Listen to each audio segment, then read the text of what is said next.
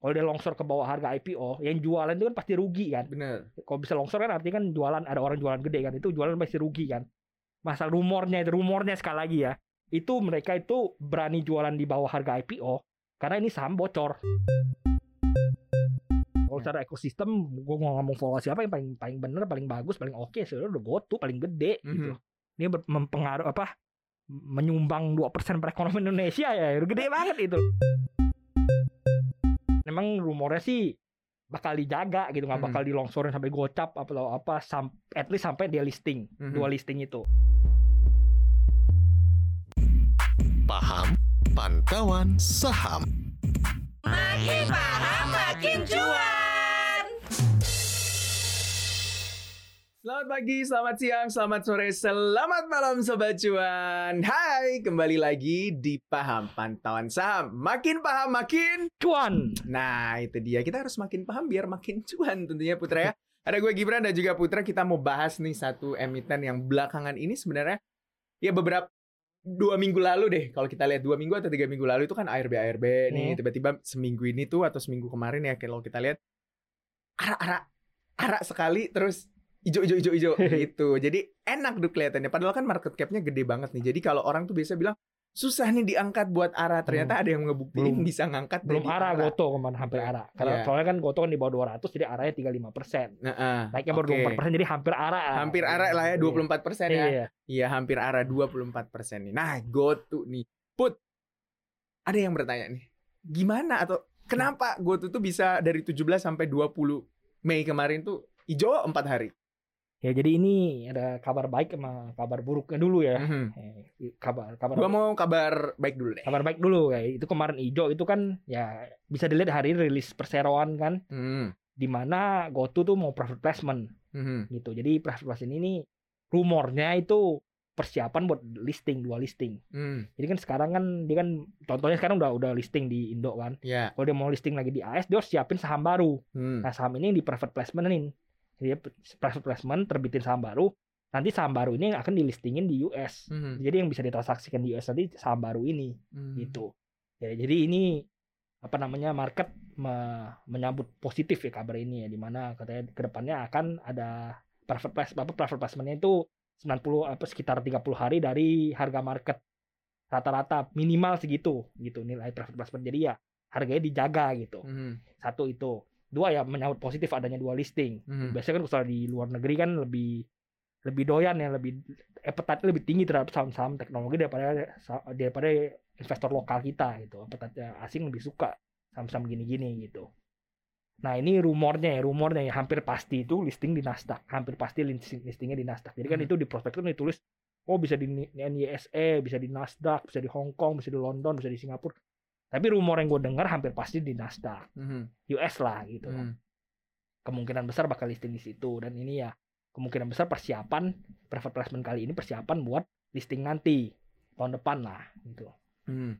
Jadi lebih menarik sebenarnya kalau dilihat kalau untuk para investor luar gitu atau foreign gitu ya Iya, apalagi iya. kalau listingnya di Nasdaq saham-saham sektor teknologi yang diminati ya orang-orang luar. Kalau dalam Iya. negeri kita kan mungkin masih agak abu-abu melihatnya gimana nih nasib Hmm. sektor teknologi ke depannya. Nah, kalau kabar buruknya apa nih? Ah, ini kabar buruknya ini. Sekali lagi ini cuma rumor ya. Ya. Sekali itu, disclaimer. disclaimer cuma Oh. rumor. Gue nggak tahu ini benar atau enggak. Moga-moga salah ya. Misalnya benar atau salah ya. Biar seponga nggak dicari orang gotu gitu ya. ya moga-moga salah. Jadi rumornya ini kemarin itu kan parah longsor parah kan jempol Hmm. ke bawah HRB ARB ARB berapa ya kali sampai ya. 194 deh kalau nggak salah Ya, harganya. secara logika kan kalau Hmm. saham baru IPO ya. Kalau dia longsor ke bawah harga IPO, yang jualan itu kan pasti rugi kan. Bener. Kalau bisa longsor kan artinya kan jualan ada orang jualan gede kan. Itu jualan pasti rugi kan. Masa rumornya itu rumornya sekali lagi ya.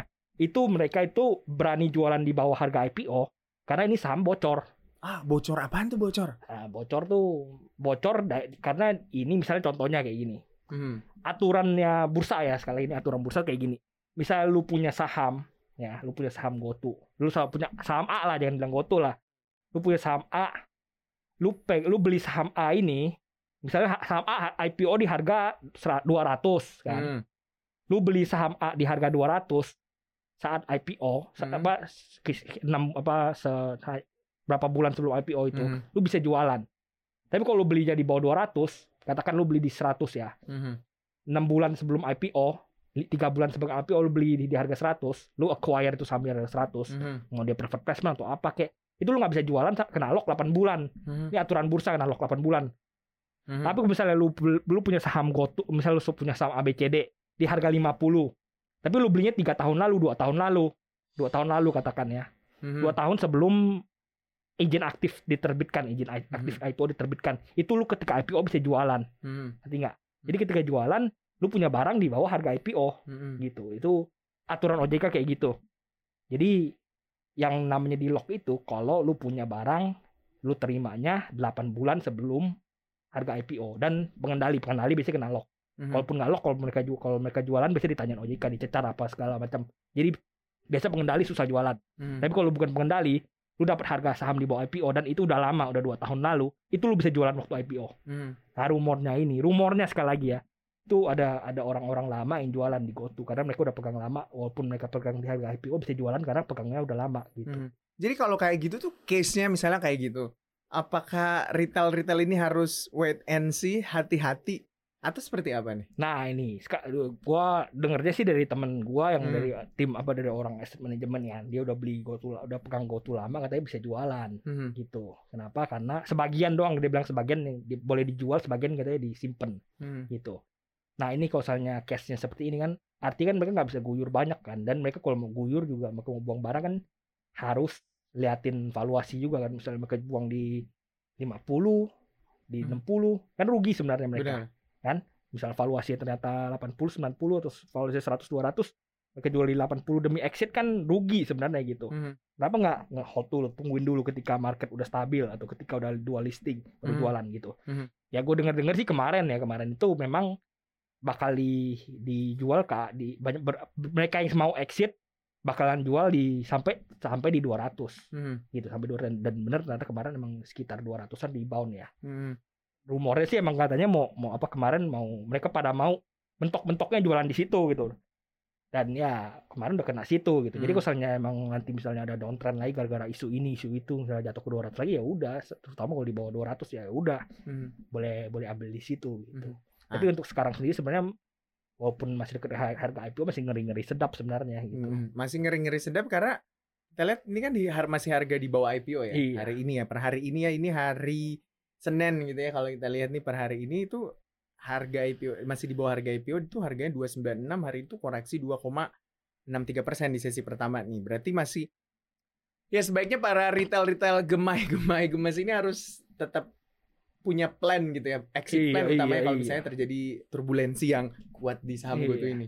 Dan memang rumornya sih bakal dijaga gitu nggak Hmm. bakal dilongsorin sampai gocap atau apa sam at least sampai dia listing Mhm. dua listing itu bakal Hmm. dijaga sampai ketika dua listing ini jadi ya lu jangan bilang oh saham gua tuh ke gocap atau apa enggak most Hmm. likely enggak karena ada ada ada orangnya yang ngejagain Hmm. Ru- rumor sih namanya sih Om G namanya Oh. G apa gitu Oke, ada yang ngejaga gitu ya. Dia yang ngejaga Oh, gue tahu nih Om. Om Om gue kayaknya kan gue juga G kan. nih G juga Om Gibran buat ini Ternyata gue yang ngejaga. enggak lah, enggak lah. Nah, berarti kalau kita bicara GoTo sisi baik, sisi buruknya, positif, negatifnya Hmm. gitu kan ini kan rata-rata masih rumor juga. Tetap kita disclaimer on juga buat sobat cuan yang mendengarkan dan juga menonton ini. Nah, tapi kalau kita bicara soal overallnya sektor teh itu kan di dalamnya ya banyak banget ya. Hmm, Ya market capnya gede ya. GoTo sama buka nih. hmm, Nih dua ini nih. Kalau misalnya kita lihat secara industri nih, hmm. teknologi, gimana sih sebenarnya dari kacamata lu? ya sebenarnya teknologi emang lagi jelek-jeleknya sekarang Mhm. apa terutama sahamnya bukan industrinya ya. Sa- Hmm. industri mah jalan terus Iya. sahamnya yang lagi lagi kagak enak Hmm. Karena ya kita tahu kan the Fed naikin suku bunga suku bunga naik yield naik yield naik ya udah ada perlu investasi di saham-saham tekno mending beliin obligasi aja gitu. Mhm. ya jadi dana asing kabur dana asing kabur dana asing terutama dari tech yang perusahaan masih merugi merugi ya udah. Ya akhirnya longsor barengan kan itu kan. Arto buka Goto kemarin sempat longsor parah ya. Asing sekali apa? Ya jadi sekalian momen exit lah gitu. Hmm.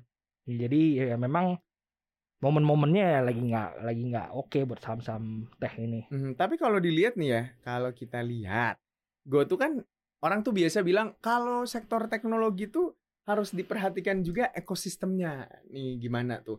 ekosistem GoTo kan kalau kita lihat ya udahlah ya kita baca unit bisnis mereka Hmm. ada di sektor finansial terus juga ada di ride hailing terus ada di e-commerce dan lain-lain nih terus dia juga berinvestasi di beberapa kalau Hmm. kita lihat beberapa perusahaan-perusahaan juga Hmm. nih nah kalau lu lihat gimana nih put Ini kalau ngomong ekosistem paling gede udah nggak bisa nggak nggak nggak bisa dipungkiri lawan Mhm.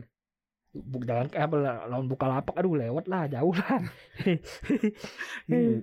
Ya, oke ya maksudnya secara ya secara ekuitas, secara Benar. skala ekosistem bisnis apa emang jauh lebih besar. tapi kan buka nggak habis bisa dihitung. cuan nih laporan keuangannya bagus Ya ini juga jadi sebenarnya laporan keuangan buka itu masalah loh Oh. sampai dicetar bursa kan. iya iya iya Cuan cuan gede kan gara-gara dia investasi di BBHI Mhm. lalu dicatatkan MOM mark on mark to market kan. Mhm. Artinya harga saham buka naik dicatatkan laba Mhm. sebagai laba. Bali itu kan kena lock 3 tahun, 2 tahun Mhm. kan nggak boleh dijual sama Bukalapaknya. Mhm. Kenapa dia bisa catatin menggunakan pencatatan keuangan gitu? Ini sebenarnya masalah juga ini kan. Sa- apa salah satu yang bo- diperbolehkan menggunakan pencatatan mark to market itu kalau lu perusahaan investasi kayak Mhm. Saratoga, benar benar lu benar. pegang MDKA, MDKA-nya naik, lu boleh catatkan sebagai laba. Kalau yang kayak misal lu apa Bukalapak perusahaan atau apa ya bukan investasi perusahaan gitu kan. investasi, kenapa lu catatkan itu sebagai laba? Emangnya lu pengen jualan? Mhm. tiga tahun lagi apa besok lu pengen jualan atau tiga tahun lagi lu pengen jualan kan enggak kemungkinan kan mereka kan emang investasi apa investasi di sana supaya menjadi bagian ekosistem mereka kan gitu Hmm. kan ya jadi dari masalah buka lapak gitu Hmm. mencatatkan BBHI sampai sampai dicetar bursa kan akhirnya kan gitu jadi jadi masalah Jadi kalau kita compare nih secara ekosistem ya, gue tuh terus sama tek- sektor-sektor teknologi lainnya saham-saham Hmm, yang ada hmm. di sektor teknologi. Menarik gak sih dari kacamata lu? iya sebenarnya Secara ekosistem ya? iya kalau Ya. secara ekosistem gua mau ngomong valuasi apa yang paling paling bener paling bagus paling oke sebenarnya udah gotu paling gede gitu Mhm. ini ber- mempengaruh apa menyumbang 2% perekonomian Indonesia ya gede banget itu mau ngomong Awalnya satu persen tuh. Iya terus ya kan? progress jadi 2% Iya. Jadi menyumbang 2% PDB Indonesia berarti secara ekosistem baik. Tapi dengan adanya beberapa kabar-kabar yang Iya. berhembus, gitu kan termasuk di antara yang negatif, harus tetap cenderung wait so- and iya, see iya, dan juga perhatikan juga valuasinya apa segala Hmm. ini harus dilihat juga kan gitu kan. Tapi kalau secara valuasi gue tuh menurut lu mahal atau masih murah nih? Kalau lu PBV-nya kasar doang sebenarnya lu bisa bilang murah karena itu kan PBV-nya kan dia kan hitungannya kan GoTo beli apa Gojek beli Tokopedia Mhm. kan. Terus dicatatkan sebagai misalnya dia belinya 10 10 katakan misalnya dia beli 10 padahal bukunya cuma 2 Hmm. 8 itu dicatatkan sebagai goodwill Hmm. tapi itu masuk ke ekuitas jadi lu bisa lihat ya sekarang ekuitasnya gede sebenarnya gara-gara goodwillnya gede. Hmm. karena goodwill karena dari caplok gotunya gede. Tapi bukan berarti oh ini kecil harusnya. Ekuitasnya mesti gini enggak. Contohnya kayak gini paling gampang. Lu beli barang lu beli perusahaan ya harganya dua. Mhm. ekuitasnya kan kemungkinan besar pasti di bawah dua. Benar, gitu. Ngapain orang orang punya ekuitas dua dia jual ke lu dua? Rugi dong gua. Kan gua kan jualan mau untung juga gitu. Mhm. ya udah untungnya wajarnya berapa gitu ya. Kita bisa lihat kita lihat lagi apakah goodwillnya ini nilainya wajar ekuitasnya ini apa untuk kotunya sendiri tuh eh, untuk gojeknya sendiri wajar untuk tokopedia sendiri wajar kenanya di berapa yang bagus gitu Hmm. Oke, berarti ya itu tuh tadi penjelasan Putra. Tapi kalau kita lihat lagi kalau valuasi secara PBV masih murah ya, masih. Hmm. Kalau Nggak, masih gua bilang murah kalau di Ah. atas kertas dulu di lihat, atas kertas ya, ya di atas kertas. sebentar doang murah gitu Mhm.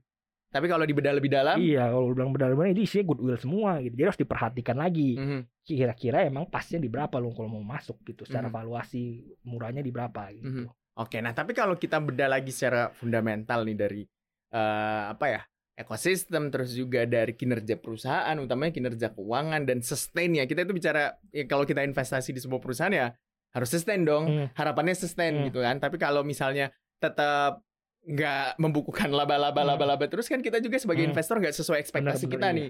Nah, gimana tuh? Ya, ini gue ngomong kalau lu kalau dari bapaknya valuasi namanya Damodaran ini Hmm. Perusahaan yang nggak akan pernah membuka laba valuasi itu nol. Oke. Jadi kalau lu nggak ini Karena nggak ada perusahaan ini, ya, apa-apa, buat apa iya. bak- misalnya ke depannya nggak bakal bisa membukukan laba ya nol valuasi gitu. Ngapain lu beli? Bakal rugi terus Hmm. gitu. Nah ini GoTo ini memang sekarang kan belum belum bukukan laba tapi, Tapi kan ke depannya ada buah iya, kata pas sebelum IPO. Iya, makanya mereka setelah itu katanya bakal bisa bukukan laba. Dan ini menariknya, ini menariknya ini. Sebenarnya justru kata kata orang-orang orang-orang sananya lah mereka Hmm. bilang kemungkinan besar yang bakal bakal untung duluan malah itunya apa namanya unit bisnis on demand ya. Jadi Hmm. kayak red hailingnya apa segala itu on demandnya yang bakal untung duluan. Hmm. GoFoodnya apa segala itu kemungkinan bakal untung duluan. Baru Tokpetnya baru? Tokpetnya baru itunya finance-nya Oke. gitu. Jadi yang yang on demand-nya untung duluan baru Tokped-nya. Padahal sebenarnya kalau bagi gua sendiri ya, yang menarik dari unit bisnis GoTo itu sebenarnya Tokped-nya. Mhm. Kalau Tokped-nya dipisah, gue berani dah itu invest di sana gitu. Lu berani beli Iya, Tokped-nya gua aja. beli Kalau Tokped-nya IPO sendiri nih. Iya iya. Kenapa? Karena Tokped tuh udah bisnis yang terbukti untung. Mhm. E-commerce tuh udah bisnis terbukti untung. Lu ngomong-ngomong apa apa namanya Shopee rugi apa, tapi kan posnya Amazon udah untung. Mhm. Ya, sedangkan kalau misalnya on demand, hailing dan sebagainya kan belum terbukti untung. Didi, Mhm. Uber itu kan Tapi kan kalau yang itu masih rugi-rugi. Dibangunnya udah lama gitu Iya, ya ceritanya. itu yang udah lama aja masih rugi, Bro. Mhm. Gitu. Mhm. Ya kan? Uber operating profitnya masih rugi nggak salah. Mhm. Didi choosing lalu Lyft apa segala kemudian rata-rata semua masih rugi Mhm. di mana di mana itu jadi bisnisnya belum proven sebenarnya Mhm. tapi kalau kalau Tokped udah proven kalau mereka mau cuan tinggal naikin marginnya Oke. orang yang jualan di Tokped terpaksa mau gimana lagi udah nggak ada profit lain gitu Nah, sekali lagi nih ya sobat cuan, ini kita disclaimer on apa yang Iya, kita bahas on. tentang GoTo apalagi saham-saham sektor Dan teknologi ini- yang sedang downtrend Iya. nih. dan aman terakhir kalau misalnya Hmm. ini misalnya Tok Tokped kan kalau mau cuan kan tinggal naikin margin gitu Mhm. kan kalau misalnya on demand mau naikin susah bro Mhm. bersaing sama Bluebird Bener. sekarang aja harga Bluebird sama Gokar, Go Grabcar aja udah Saing-saingan? beda. Iya, saing-saingan dan Apalagi Bluebird sebenarnya ada harga Iya, udah ada harga kan? fix ya. Iya, harga Selalu fix pesen ya. di di My Bluebird. Iya, My Bluebird udah ada harga fix. Iya. Dan satu lagi kalau misalnya itu Gojek itu lagi harganya lagi naik lagi apa sih rush hour itu Mm. harganya lagi merah itu kan harganya naik kan Hmm, tiga puluh ribu jadi enam puluh ribu tujuh puluh mending lu naik Bluebird dah benar. lebih Apalagi murah sebenarnya kalau kita lihat secara perusahaan juga eh, Gojek nggak punya aset kendaraan iya ya kan iya kalau Bluebird punya gitu kan Iya. jadi memang agak berbeda gitu ya Iya, jadi iya. kita mau disclaimer on lagi apa yang kita bahas tadi soal GoTo Gojek sama Tokopedia dan Bukalapak kita mau disclaimer on lagi buat sobat-sobat cuan tentunya semua keputusan berada di tangan anda sebagai investor mau beli atau mau jual ya kita nggak mempengaruhi sama sekali jadi ini semua cuma sebuah gambaran bagi anda yang mau masuk atau insight mau exit aja gitu ya iya. dari saham GoTo. Dipikir-pikir lagi. Oke, kita mau pamit dulu dari episode paham kali ini. Kita akan ketemu lagi di episode paham selanjutnya. Jangan lupa dengerin podcast cuap-cuap cuan di Spotify, Google Podcast, dan juga Apple- Apple Podcast. Dan juga nonton cuap-cuap cuan di YouTube cuap-cuap cuan. Jangan lupa juga follow Instagram cuap underscore cuan. Kita mau pamit dulu. Gua Gibran. Gua Triputra Sampai jumpa. bye bye